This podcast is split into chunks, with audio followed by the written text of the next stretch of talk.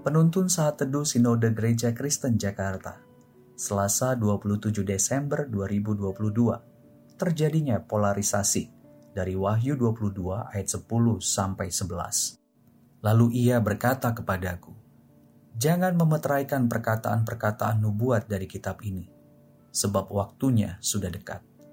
Barang siapa yang berbuat jahat biarlah ia terus berbuat jahat.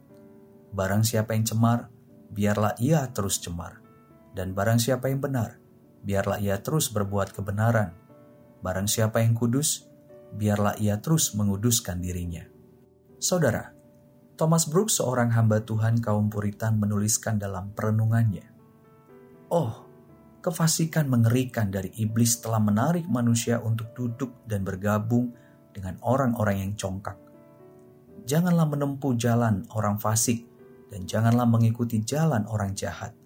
Amsal 4 ayat 14. Biarlah jiwa Anda merenungkannya hingga timbul kemarahan kudus di hati Anda terhadap persekutuan dengan orang-orang yang demikian.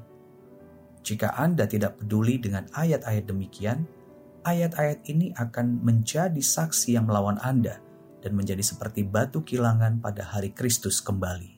Saudara, dalam Live Application Study Bible dikatakan bahwa malaikat Tuhan memberitahu Yohanes apa yang harus dilakukan setelah penglihatannya selesai.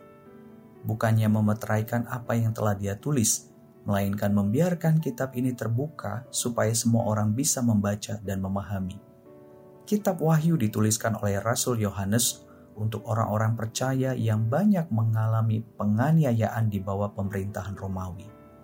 Berita tentang kedatangan Kristus kembali dapat memberikan pengharapan kepada mereka tidak hanya untuk mereka, namun juga untuk semua orang percaya pada setiap zaman.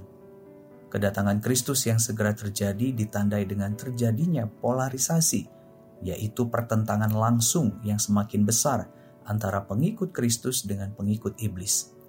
Para pengikut iblis adalah orang-orang yang terus-menerus berbuat jahat, cemar. Mereka adalah orang-orang fasik yang melawan Allah. Sementara para pengikut Kristus adalah orang-orang yang terus-menerus berjuang untuk menaati kebenaran firman Tuhan, memberi dirinya dikuduskan oleh Roh Kudus melalui ketaatan pada firman Tuhan.